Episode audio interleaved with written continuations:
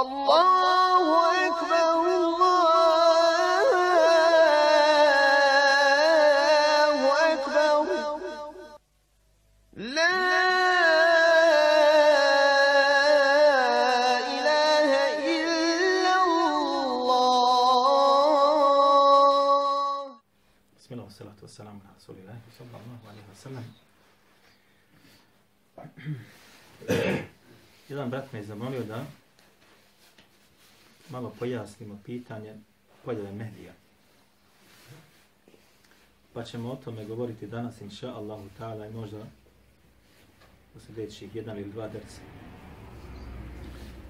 Zbog toga što se dešavaju događaji u arapskom svijetu na vjerovatno velikom brzinom i zbog toga što šire se glasine tamo ili vamo i prije se to događalo.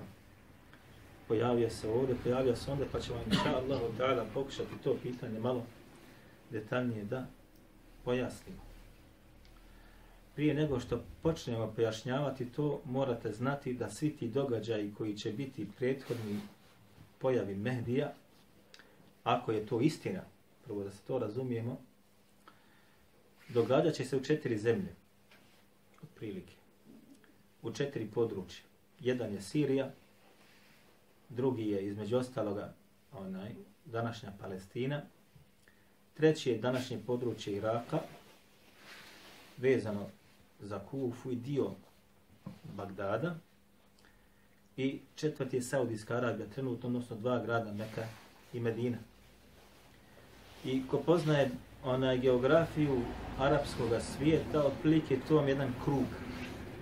U srcu se samo nalazi još Jordan, kojeg ništa ko bilo neće da buhvati. Međutim, Jordan je onaj predio Šama, takozvani. Jordan, Sirija, Palestina, Liban predstavljaju takozvanu onaj e, pokrajina koja zove Ešam. Dakle, svi ti događaji se događati otprilike u te četiri zemlje, osim što je nakon toga još mali produžetak prema Istanbulu. I to ćemo inša Allah pojasniti kad dođem do toga. Otprilike gradovi koji će biti veoma važni jesu onaj Hims, današnji ili Homs, kako se kaže ovdje, kako, kako će kažu, to je današnji grad u Siriji, predio oko Haleba, El A'maq, takozvani grad koji je nedaleko od Haleba, 15 km je od, od, od eh, turske granice.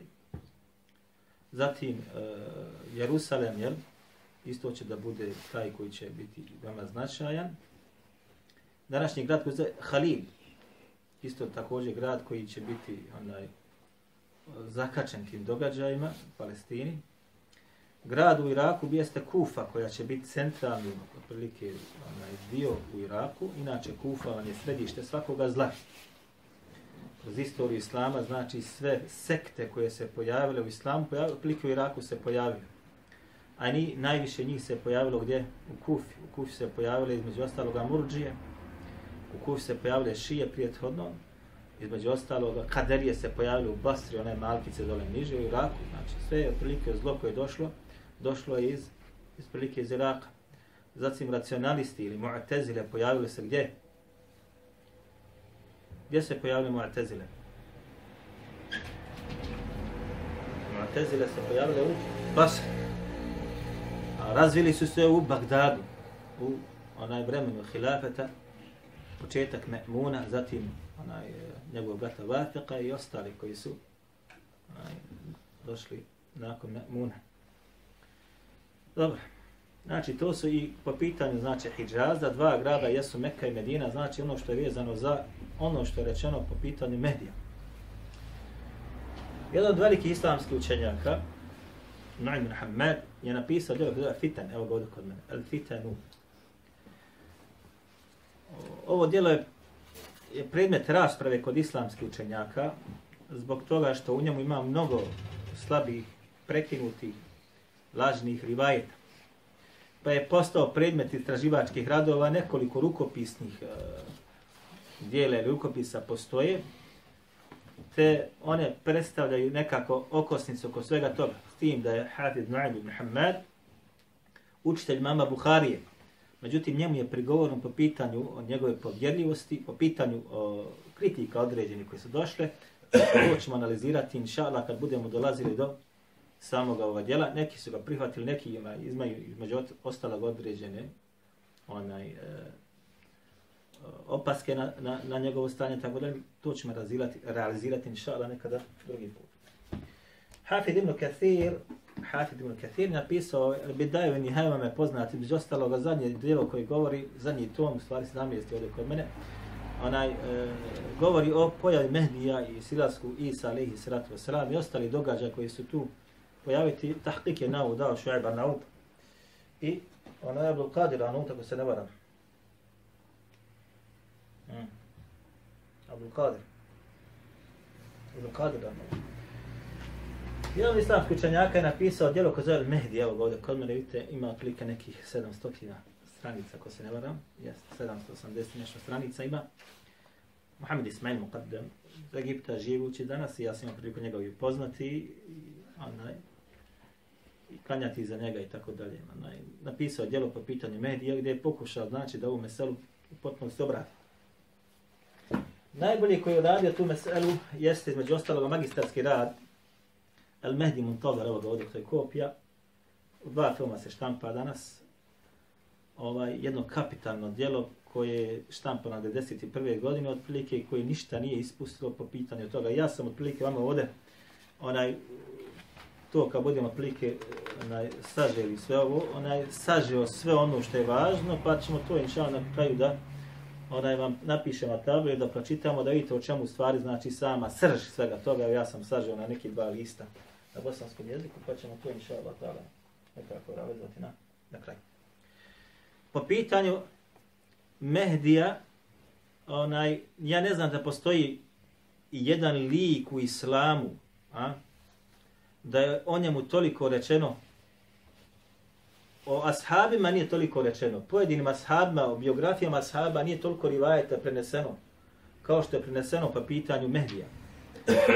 Po pitanju medija je zabilježeno u knjigama sa lancima prenosilaca oko t, preko 300, ovako ću reći, preko 300 rivajeta, što haditha, što govora ashaba, što ethera od tabi'ina.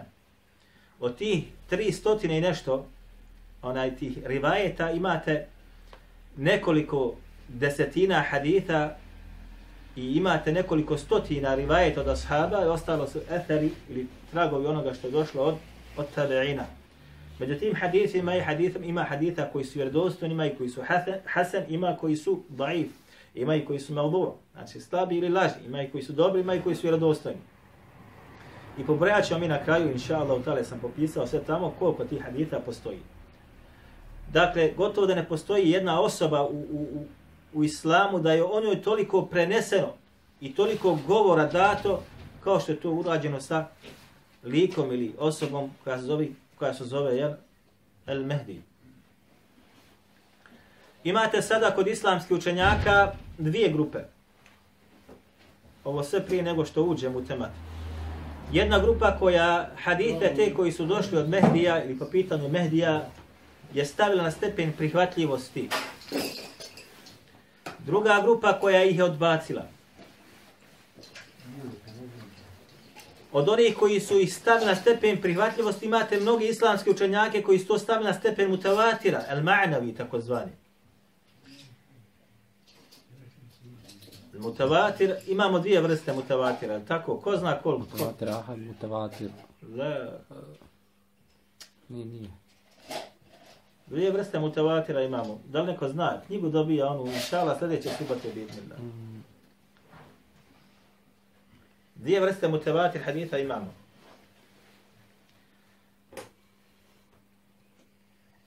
Ja, Mutavatir lafzi i ma'navi. A lafzi kada dolazi nam znači onaj, nije nam čas haditha, to ćemo drugi put, inša Allah, to sam pojašnjavao nekoliko puta. Ne se. Znači ovaj, ova vrsta između ostaloga govora ili haditha koji su došli rivajeta koji došli pa pitan Mehdija ulazi u grupu kako to sam kaže Hafid ibn Hajar al-Asqalani, ja sam donio kasnije inša Allah da vam pomenem imena ljudi ili učenjaka koji su smatrali da su to onaj hadithi mutavatir i sam između ostalo jeste Hafid ibn Hajar al-Asqalani što bi rekli mi jedan od velikih islamskih učenjaka u hadijskoj nauci koji nakon njega više se nije rodio. Prije nego što krenemo, inša Allahu ta'ala, obrađivati ovu tematiku, dotaknut ćemo se malo, inša Allahu ta'ala, onoga što je neophodno da se kaže u uvodu ovoga o čemu ćemo govoriti. Dakle, o samome Mehdiju ne postoji nijedan kuranski ajed koji direktno o tome govori. Međutim, postoji nekoliko haditha gdje je spomenut on po imenu. I postoji također nekoliko hadita vjerodostojni, dakle, da se razumijemo. Kad ovo kažemo vjerodostojni, odmah znamo, kažemo šta, naš stav jeste da je to ipak šta stvarno koja će sigurno doći. I nekoliko hadita također vjerodostojnih, kako dobrih, tako onaj sahih, koji govore indirektno i ukazuju na njegovu pojavu. Međutim, prije svega, neophodno je reći da je to govor Allahov poslanika sallallahu alaihi wa sallam. A shodno onome što smo naučili u osnovama šarijatskih znanosti jeste govor Allah, Allahu poslanika sallallahu alaihi wasallam jeste jeste i mora se prihvatiti. Ako je došao vjerodostojnim putevima. Jedan od islamskih učenjaka, Šuaj Barnaub, rahimahullah, koji je nedavno preselio, i to znate, je smatrao da su hadithi po pitanju medija svi slabi. Svi slabi. I on je gdje god je, znači, između ostaloga, eh, rahimahullah, onaj u svim tahkikatima koji je radio po pitanju, primjera rada, možemo pokazati,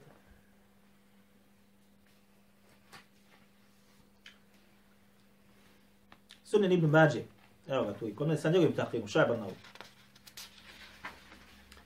Hadith kaže Allah poslanik sallallahu alaihi wa sallam al-mehdi minna ehle al-Bejti yuslihuhu Allahu fil lejla. Kaže, Mehdi je, kaže, od nas, od naše porodice. Znači, od porodice poslanika, sallallahu sallam. Yuslihuhu Allahu fil lejla. Kaže, Allah Đelešanuhu će ga kaže u jednoj noći da, ili njegov stanje da popravi. Ovo ćemo komentarisati kad dođemo, inša Allah, kad bude potrebno da se komentariše. On je, znači, dolu opaskama kaže, između ostalog, ovaj hadith je šta, kad je snaduhom da'if, ovaj kaže, je lanas prenosilaca kaže slab. I onda on to pojašnjava. Međutim, kada onaj koji razumije hadith po nauku, odmah će znati da ovo nije baš to tako. Onaj, oni određene prenosioce dolu uzeo koji nije niko kritikovao u džerhu takozvanom po pitanju njegove povjerljivosti, niko nije kritikovao. A al-Iđli, Hafid al-Iđli ga je od, recimo, između ostalog jednog od prenosaca smatrao povjerljivim. Al-Iđli, između ostalog Ibn Hibban. Znači, dva hafida, iako kod njih je prisutan tesahul, su ga smatrali povjerljivim, a nikoga kritikova nije, osim Ibn onaj, Buhari, kad je rekao fi hadisi nadar, ali onaj, to je ipak onaj, za raspravu, onaj, on je tako ga prenosaca slabim. Doći, isti ovaj hadis, isti ovaj rivajet, i on slabim ocjenio i na musnad imama Ahmeda. Doći Mahmed Šakir koji radio tahqiq na musnad imama Ahmeda je ovaj hadis ocjenio vjerodostanjim. I pojasnio, znači isto ovo što on pojašnjava, greškom, to pojašnjava između ostaloga i to čini na prikladan način, onako kako dolikuje. Šeha Albani, rahimahullah, ovaj hadis ocjenio sa, ocinio sa, has, sa, sa sahihom ili sa vjerodostojnim. Dakle, morate shvatiti da onaj, prije nego što izučavate određeno onaj, djelo, po pitanju tashiha ili opaski koji se dare određeni vajete, morate znati menheđ ili način kako prilazi određeni muhakkik ili verifikator onaj hadijskoj nauci. Kakav je njegov mehdi po pitanju određenih mesela. Šuaib Arnaud, rahimahullah, je imao po pitanju mehdija stav šta? Svi hadisi su slabi. Svi rivajeti po tom pitanju su slabi. Iako ima preko tri stotine. Iako su učenjaci umeta rekli da je mutavati poput onaj između ostaloga Hafid ibn Hajar al-Asqalanija.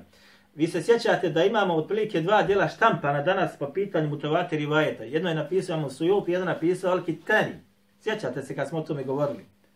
Sjećate se kad smo govorili o, o mutevatiru, odnosno ta djela sam donosio ovdje kad smo govorili o dizanju ruku namazu, gdje su između ostaloga i Sujut i Kitani, ta dva djela, odnosno taj hadis o dizanju ruku namazu, stavili mutavati rivajete. Kitani između ostaloga je rivajet po pitanju dolaska medija u, uvrstio u svoje djelo, onaj kao mutavatir predaja koja je došla po tome pitanju. Stoga morate imati malo pažnje obzira prema ovom. Dakle, ono što je došlo od Allahov poslanika sallallahu alejhi ve selleme je sigurna istina i to se otprilike tako mora prihvatiti, pa makar nam došlo sa lancem prenosilaca koji je hasan ili ako je rivajet nam popeo se na stepen hasena, uzima se i prihvata.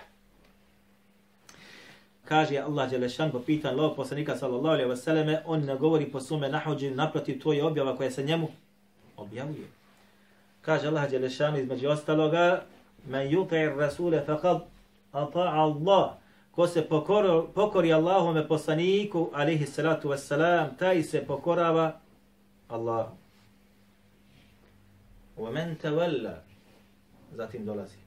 A onaj koji bude tome okrenuo leđa, onaj koji bude, znači, kada dođe ono što je došlo od Allahu poslanika, sallallahu alaihi wa sallame, zatim tome on okrene leđa, neće da posluša. وما رسلناك عليه حفيظا. Mi تبا نيسو Muhammed ده بوصل ده بوزيش نيمو كشوار نيتش نيكو كسيلي واتشش لي Znači, ko bude nepokoran Allahom poslaniku sallallahu alaihi wa sallam, nije poslat, kao dolazi u ovom drugom ajetu, nije poslat Allahu poslanik sallallahu alaihi wa da bude čuvar ljudima. Naprotiv, Allahu poslanik sallallahu alaihi wa sallam je poslat, kako dolazi u drugom ajetu, da bude šta? Dostavi, Vama ala rasulina illa al-balagul mubin. I nije kaže na našeg poslanika koji smo poslali osim da ljudima jasno dostavi. Ima između ostalog jedan od jasnih ajeta u Kur'anu gdje Allah Đelešanuhu govori o sudnjem danu. I između ostaloga kaže faqad جَاءَ أَشْرَاطُهَا I kaže, njegovi znakovi dolaska sudnjega dana su već stigli. Kada jae šrapuha, Allah Đelešanu je spomenuo u Kur'anu da su znakovi sudnjega dana već došli. Rivajetu koji bilježi man Bukhari kaže Allah poslanik sallallahu alaihi wa sallam bu'ittu ana was sa'a. Kaže, poslat sam ja I sudnji dan kao dva ova prsta. Kao dva ova prsta. Što govori da je blizina sudnjega dana šta? Sa dolaskom Allahog poslanika sallallahu alaihi wa sallam već nagovještena. I ona je tu voma blizu. Ja sam donosio, ako se sjećate, u rukopisu dijelo koje je napisao nam su Julti. Gdje je između ostalog napisao dijelo posebno odgovarajući ili govoreći o dužini trajanja vijeka umeta Muhameda alaihi salatu wasalam. I on je to napisao odgovarajući u onom vremenu. Imam Sujuti rođen 911. godine po Hidžri. I živio u vremenu kad se pojavili neki islamski učenjaci koji su govorili da umet Muhammeda alaihi salatu wasalam neće doživjeti hiljadu godina. Hidžetski. U vremenu Sujutija to je bilo šta? Na kraju, što bi rekli mi vijeka života, umeta Muhameda sallallahu alaihi wasallam. Pa je on sjeo i napisao dijelo na tematiku između ostalog dužina trajanja vijeka umeta Muhameda alaihi sallatu wasallam. Odgovarajući ovima. I zatim je pobio njihove tvrdnje da neće doživjeti hiljadu, ali je zaključio između ostalog gdje kaže, kaže doživjet će hiljadu, ali neće doživjeti hiljadu i petstotina godina. Ovo je njegov stav kojim su pregovorili kasni islamski učenjaci. Mi smo danas 1439. godine po hijđru. Odbijte hijđru kompletno, odnosno poslanstvo poslanika sallallahu alaihi wa još 23 godine stavite tu, znači, s tome tome postavu ovoga učenjaka, mama su lucije, to je tu negdje. Međutim, islamski učenjaci njemu su prigovorili zašto? Zato što niko ne zna kad će sudnji dan ili kad će smak svijeta. Ali su se svi složili da je to vrijeme veoma blizu.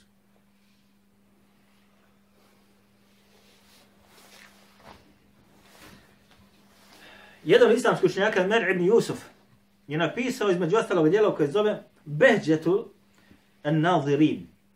On je umru, ako se ne varam, hiljadu i četvrte godine po hijđri. I umru. A to je, braćo moja draga, dakle, prije otprilike 435 i 35 godina. Prije 435 godina je umru. Napisao je između ostaloga, znate šta kaže? Ovako kaže on. Na kraju krajeva, djelo znači koji govori znači o predznac, malim predznacima sudnjega dana. Malim predznacima sudnjega dana. Gdje on između ostaloga kaže, kaže na kraju krajeva, kaže, što se tiče malih predznaka sudnjega dana, oni su se svi, kaže, pojavili, kaže, u našem vremenu. Osim, kaže, jednog ili dva predznaka sudnjega dana. On u svom dijelu, znači, uzeo što je analizirao sve male predznake sudnjega dana. I kad je analizu napravio između ostaloga, onaj, e, tam pred kraj, između ostaloga kaže, shodno ovo što smo naveli, i shodno našem stanju, to je bilo prije 435 godina, kaže, svi navedeni predznaci sudnjeg dana su se već šta? Obistinili. Osim, kaže, jednog ili dva predznaka sudnjega dana i zatim moli Allaha Đelešanu za stanje umeta ovaj, e, kako će biti da, da, da Allah Đelešanu bude blag sa umetom kad se ta dva predznaka sudnjega dana upotpuni. Vi ste čuli za mama Bejheqiju. Imam Bejheqij je u svome dijelu između ostaloga ba'athu van nušur, al ba'athu van nušur, između ostaloga kada je govorio o, o predznacima sudnjega dana malim, on je između ostaloga slično ovome zaključku došao. Živio u petom hiđarskom stoljeću.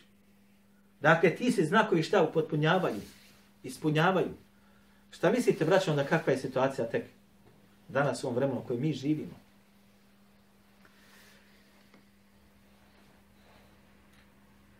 Vi znate, prije Hadžija se sigurno sjeća, a i Hadžija Jusuf se sjeća sigurno. 70 godina. Prije 70 godina. Jel se mogla vidjeti ovdje u maoči neka žena da nije kako treba obučena? Prije 70 godina. Da neka žena bude obučena ne, ne olikano kako se to kaže. Ja se sjećam, u mene mati je pričala, neki dan mi isto govorila to. Ona je tada imala možda 7-8 godina, 34. godište, znači otprilike neke 40 i neke godine, ali bude pre, posle rata. Kaže, ljudi su, džamija je bila dol, ona donja džamija, dole se klanjalo. Nije bilo ove džamije ovdje, pogotovo ove gore. Pa se, kaže, ljudi sakupili ispred džamije. Pa je, kaže, naišla jedna djevojka, kaldrma bila, kako je bilo, kaže, udarala je svojim nanulama i čuo se, kaže, onaj zvuk nanula. Ovo je tad bilo. 40 i neke godine. I kaže, a ispod pokrivača kojeg imala na glavi, kaže, izvirilava joj, kaže, kosa. Pogledajte šta su oni tad smatrali, što kaže Arapi, ajbom, sramotvom. Izvirila je, kaže, kosa, vrhovi kose su je, kaže, izvirivali ispod pokrivača s kojim se pokrila preko glave. Pa su, kaže, ljudi komentarisali to sa lošim. Te jedan, kaže, rekao, ova, kaže, neće ući u moju kuću. Jer imao sinove za ženitbe. Ova, kaže, nikad u moju kuću ući neće. Zašto? Jer čuje se onaj zvuk njezine obuće i vidi joj se kosa izviruje ispod marame ili pokrivača ili feređa, kako su nazivali, zar izvirivali su to znači vrhovi kose, jer ona je to namjerno uradila. Ali pa ste, braćo moja draga, baš taj, kaže, ma, mama, mati meni kaže, baš taj što je rekao to, ova, kaže, neću u moju kuću, ona je, kaže, ušla u njegovu kuću. Udala se za njegovog sina. Udala se kada za njegovog sina. I rekla mi je i je i šta je. Nikad nemoj reći nikad što kažu. Onaj, što kaže narod kod nas. Ne budu ove ahbarakom i iskušat će vam zbog riječi koji budete rekli. Što god smo govorili za druge, nama se slomi na leđima. Kad smo mahane tražili novotarima, sami smo upali novotarije. Kad ti postane predmet nekome da istražuješ mahanu, mahana ti dođe, neš ni osjetiti. Zaboraviš ni izučavanje. Dakle, tada su smatali, prije 70 godina, ako se može reći, smatali su ružnim činom da neko hoda, da se čuje zveket ili zvuk obuće. I smatrali su, znači, ružnim da se kosa nekome od žena pojav da se da izviruje i tako dalje. A šta mislite danas tek? Zato je od predznaka sudnjega dana da će biti šta? Blud ohalaljen. Dozvoljen. Vi danas imate parlamente u arapskim zemljama, ne samo u, koji su dozvolili čak da se između ostaloga, sad imate raspravu u Tunisu, ne znam jeste upoznati. Dobro otvorite onaj računa po ovome pitanju. Nedavno je tuniski pes, predsjednik, znam ko kako se zove? Kajt Sipsi Bađi. Bađi. Ima gotovo 90 godina. Imaju govor po pitanju slobode žene i tako dalje. Između ostaloga došao do zaključka da žena treba da po pitanju nasljednog prava bude jednaka muškarcu, bračnog prava, i, po, a, i da se može udati za nevjernika. To je polemiku otvorilo u drugim arapskim zemljama i šta ja znam. Međutim, u Tunisu kako je bilo, muftijstvo, znači Tunisa, a što bi rekli mi Rijase Tunisa, je tu njegovu odluku šta? Odobrilo. Znači da žena bude jednakopravna muškarcu po pitanju nasljednog i bračnog prava, da se može on udati za koga? Za nevjernika, kao što se muškarac može udati, oženiti sa ženom koja je kršanka, a? kaže može, sad treba da i ona bude jednakopravna, da se može udati. Ovo nije nikakav čudo, braćo moja draga. Vi znate sad da se kod nas ovdje govori o tome a, kako je došla fetva o dozvoljnosti upotreba kamate. Jer je od predznaka sudnjega dana uzdizanje znanja i rasprostranjenost čega? Neznanja. Ne može se nazvati ovakve odluke i ovakvi govori osim s čime neznanje. Pazite, kaže Allah Đelešanuhu, ehallallahu l-beja, wa harreme ribe. Allah je kaže ohalalio i halalom, dozvolio je kaže šta trgovinu. Wa harreme ribe. A zabranio je šta? Kamatu. I sad uđe neko i dozvolije. U hadithu koji je kod hakima i ostalih sa vjerodostojnim lancem prenosilaca, gdje kaže Allah poslanik sa osallam, kamate imate 70 vrsta. 70 vrsta. A najmanja jeste kao da oženi svoju majku. U rivajtu kao, najmanje jeste kao da spavaš sa svojom majkom. 70 vrsta kamate. I najmanji oblik te kamate jeste da oženiš svoju majku. Ili da imaš spolni odnos sa svojom majkom. Kako došlo u drugim rivajtima. I sad dolazi neko i kaže, dozvoljena.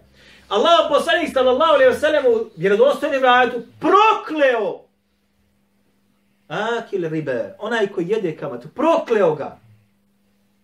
I sad dolazi neko i kaže halal. Ono što je prokleo Allah poslanik sallallahu alaihi wa sallam ti smatraš dozvoljim? Ha? Pazite, niko od islamskih učenjaka zabranjene stvari u islamu nisu tak tako dozvolili. Muziku, ja znam za mnoge koji su dozvolili halal i haram u islamu, knjiga prevedena kod nas, da ne spominjem autore. A kao određeni uvjeti, ko gleda uvjete nakon toga? Više niko ne gleda. Svako gleda halal, dozvoljeno. A uvjeti, ko gleda više uvjete? I ko ti je uvjete te obznanio? Ko ti je dozvolio? Braćo, u hadisu koji je Buhari kod ostalih, kaže Allah poslanik sallallahu alaihi wa sallam, subhanallah iladim, kaže čuvajte se sedam upropoštavajućih grija. Prvi je širku billahi, da učini širk Allahu djelešanu sihr, zatim među ostalo sihr, a zatim među ostalo dođe šta i? Akilu riba. I onaj ko jede kamat, ili jedenje kamate. Sedam grija koji insanu upropoštavaju jeste među ostalo šta? kredit i kamata. Zamisli sad dolazi neko i kaže, može se, li dozvoljeno je. U rivajetu koji je slab, kao govor Allahom poslanika sallallahu alaihi wa sallam, dolazi između ostaloga, bolje ti je da počiniš 33 puta zinaluk, nego da uzmeš kamatu. Ali govori ashaba po ome pitanju su braćovi vjerodostojni, preneseni vjerodostojnim putevima kao govori ashaba, malkuf što se kaže. Sa vjerovostojnim lancima, kao govori ashaba, govorili bi 33 u vajtma 36 puta da počniš zinaluku islamu ti je bolje nego da uzmeš kamatu.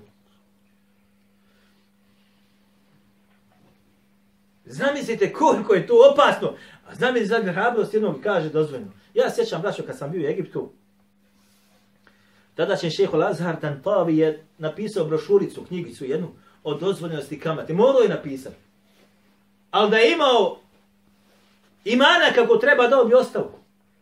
Meni kad državni aparat kaže napiši da ohalališ, na tebi ili da budeš ostanovnika, što bi rekli mi vatri, gdje ideš ka vatri, ili da budeš Allahov rob, pa makar išao u zatvor da ti ode glava.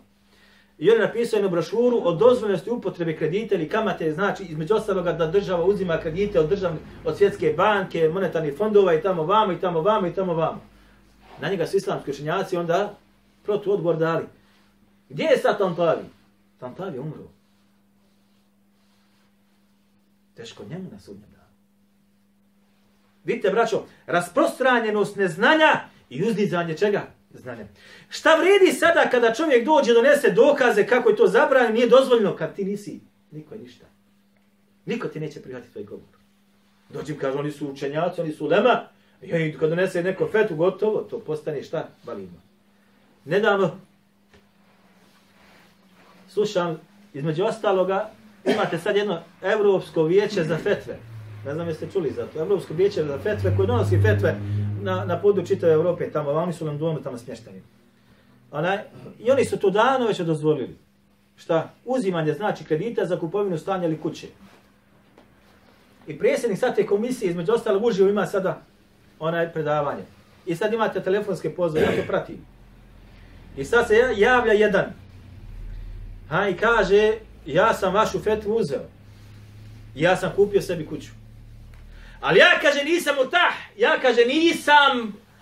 Mene grize savjest, nije mi ništa kako treba. Sve mi ide kako ne treba. I s porodicom, i sa ženom, i sa poslom, i tako dalje.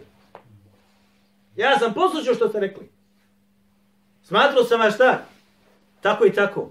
A ne sad kaže, svakako ne treba ide. Hoću sad kaže kuću da prodam.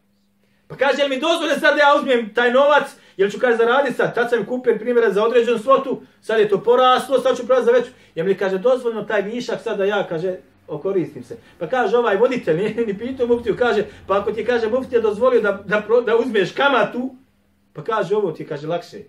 Znači manji grijet je ovo. I onda se on čupa jadnik, pa jete, ja sam, mi smo dozvolili, ali koji je u takvom stanju, koji je u takvom stanju, mi znamo stanje u Evropu, nije to za arapske zemlje. Bolan, bolan, subhanallah il adim, ona koja, vi znate da u Bosni, u europskoj zemlji jednoj možeš, ne možeš uzeti kredita, ali osim ako ne radiš, jel tako nije tako? Može li nezaposlena osoba danas u Bosni i Hercegovini uzeti kredit? Može kako? Može. Može. Na banki? Može. banki. Kako? Kako? Bude non stop daju. Ne, ne, ne, samo, samo, samo. Regula, ovako da kažemo, može nezaposlena osoba, ja nezaposlen, dodajem, bank kažem, mogu ja dobiti kredit. Ako daš neku nekretinu. Dadeš nekretinu, dobro, i to ti je onaj odmah hipoteka, ulazi u to. Ali oni koji uzmaju kredite, mahom su šta? Zaposleni, jel tako? Jer to je garancija banci da će ta osoba da vraća kredit. Dakle, imaš blagodat, ti si zaposlen. Ljudi, milioni muslimana su po, milioni. U danas u čitavom takozvanom muslimanskom svijetu nezaposleni, nemaju te blagodati. Ti još zaposlen, još hoćeš kredit. Možete zamisliti. Milioni sad nemaju blagodat radi. On još radi, ima posao, a? još se sekira jadnik, kako ću ja, gdje ću ja, imam ja kuće, nemam ja stana, primjera radi. Dakle, to su, braćo moja draga, stvari koje koje su već došle u hadithima Allaho poslanika sallallahu alejhi ve selleme da će se rasprostraniti neznanje, a uzdignut će se znanje. Pa će doći onaj koji će znači govoriti davati fetve, pa će sebe i druge koji ga budu slijedili odvesti u zabdu, kako došli dvajati kod mama, mama Buharije. Vraćamo se sada na govor gdje kaže Allah Đelešanu, faqad ja'a šrafuha, i već su, kaže, predznaci sunnjega dana šta? Došli. Tu su. Vi između ostaloga znate da dolaze nam rivajeti da neće doći sudnji dan dok god ne bude se ohalalilo blud. I ne bude se ohalalilo šta? Muzički instrumenti i ne bude se ohalalila svila. Kako rivajeti kod mama Buharije, onaj koji su došli po tom pitanju. Muzički instrumenti u islamu su već davno šta? Halalom učinjeni. Po pitanju bluda, onaj pojava koja je prisutna u današnjem muslimanskom svijetu ti tu govori. Pojava, znači društvena pojava. Jer jeste takva da blud je sasvim normalna stvar danas u muslimanskim društvima. Ne samo ovdje, u arapskom svijetu također braću. Ja sjećam, nekada je to bilo, meni su pričali, od Danska sam bio tamo, da, da, da neko nađe svoju ženu ili čerku da čini blud, ubije, ne ide u zatvor, braću. To zove katlu šeref. Ne ide u zatvor. Zašto? Jer je ubio je znači načinu koji znači kalja ugled porodice. Kada sam bio zadnji semestar, razgovarao sam sa doktorom Behitom. Zabranili smo drži hudbe. Tom doktoru. I kažem, ja pitam zbog čega se zabranili. Kaže, zato što sam, kaže, održao jednu hudbu, jer je, kaže, naša država potpisala tamo taj neki ugovor o ženskim pravima. Sve je dozvoljeno. Može izaći iz kuće kad hoće, može se zaposliti gdje hoće, ima pravo na ovo, ima pravo na ono, ima. Ima potpuno, apsolutno pravo. Udaje se kad hoće, za koga hoće. I oni kaže, ovo sa ovim znači je u naše društvo sad trenutno šta? Na rubu propasti. Ne mora se to odmah pojaviti, ali godinama će se to pojaviti, zašto ima zakon za to? Jeste razumjeli? Dakle, ohalali se znači društvenom pojavom postane nešto halalom. Naće se neki učenjak reći to je haram, bludi haram, ali društvena pojava kaka? Dokazuje da je to u stvari šta? Dozvoljeno. Kod nas kakva je društvena pojava ovdje? Bez obzira što će svaki sa hudbe hođa reći to je haram. I donijeti se fetva u rijasitu da je to haram. Ali društvena pojava među muslimanima meni govori drugačije. I vi ste to šta zažmirili i to more da laufa tako. Kaže mi jedan priča, kaže bio sam u jednoj porodici i sad treba djevojka da izađe. Ona se kaže nakarno skroz obukla. I kaže otac, hej, kućeš ti, kaže, a mati kaže, pusti je, kaže, pusti je, kaže, pa onaj mlada, kaže, neka, nek se, kaže, onaj, nek se provede, jest Allah. Nek se, kaže, provodi dok je mlada. To je ovdje u našoj sredini, braćo. A ja sam prije rata zapamtio u ovome selu, a i u drugim selima, kada su djevojke izlazile ovdje na korzo, u dimijama. Je bilo tako? Je bilo tako? Vi ste sjećali, vi ste iz ovog... Ja sjećam se prije rata ovdje, u Maoči. U dimijama na kor, u Korzo bilo dole kod... Dole kod zdravstvenog doma Korzo bilo. Je tako ili je tako? Suleman, je tako? Nisi mogao da vidiš djevojke u Miriću, nikako. To je braćo 91. 90. Pogledajte sad šta je. Pogledaj odnos o čemu se radi. Radi se o brzini događaja koji se događaju. Kako kažu islamski učenjaci, ovo što je došlo od predznaka sudnjeg dana kroz istoriju, onaj čitavu u zadnjih 30 godina je preteklo. U zadnje 30 godina je preteklo. Ja, braćo, se sjećam kad sam bio u Kairu, evo, to je 2006. recimo godina. Nisi mogao gotovo da nađeš djevojku da hoda sa maramom da odima pantalone. To je bilo da, da, da povjeruješ. Danas, to je normalna pojava još kaže fino obučena. Šta se radi sad u Kairu?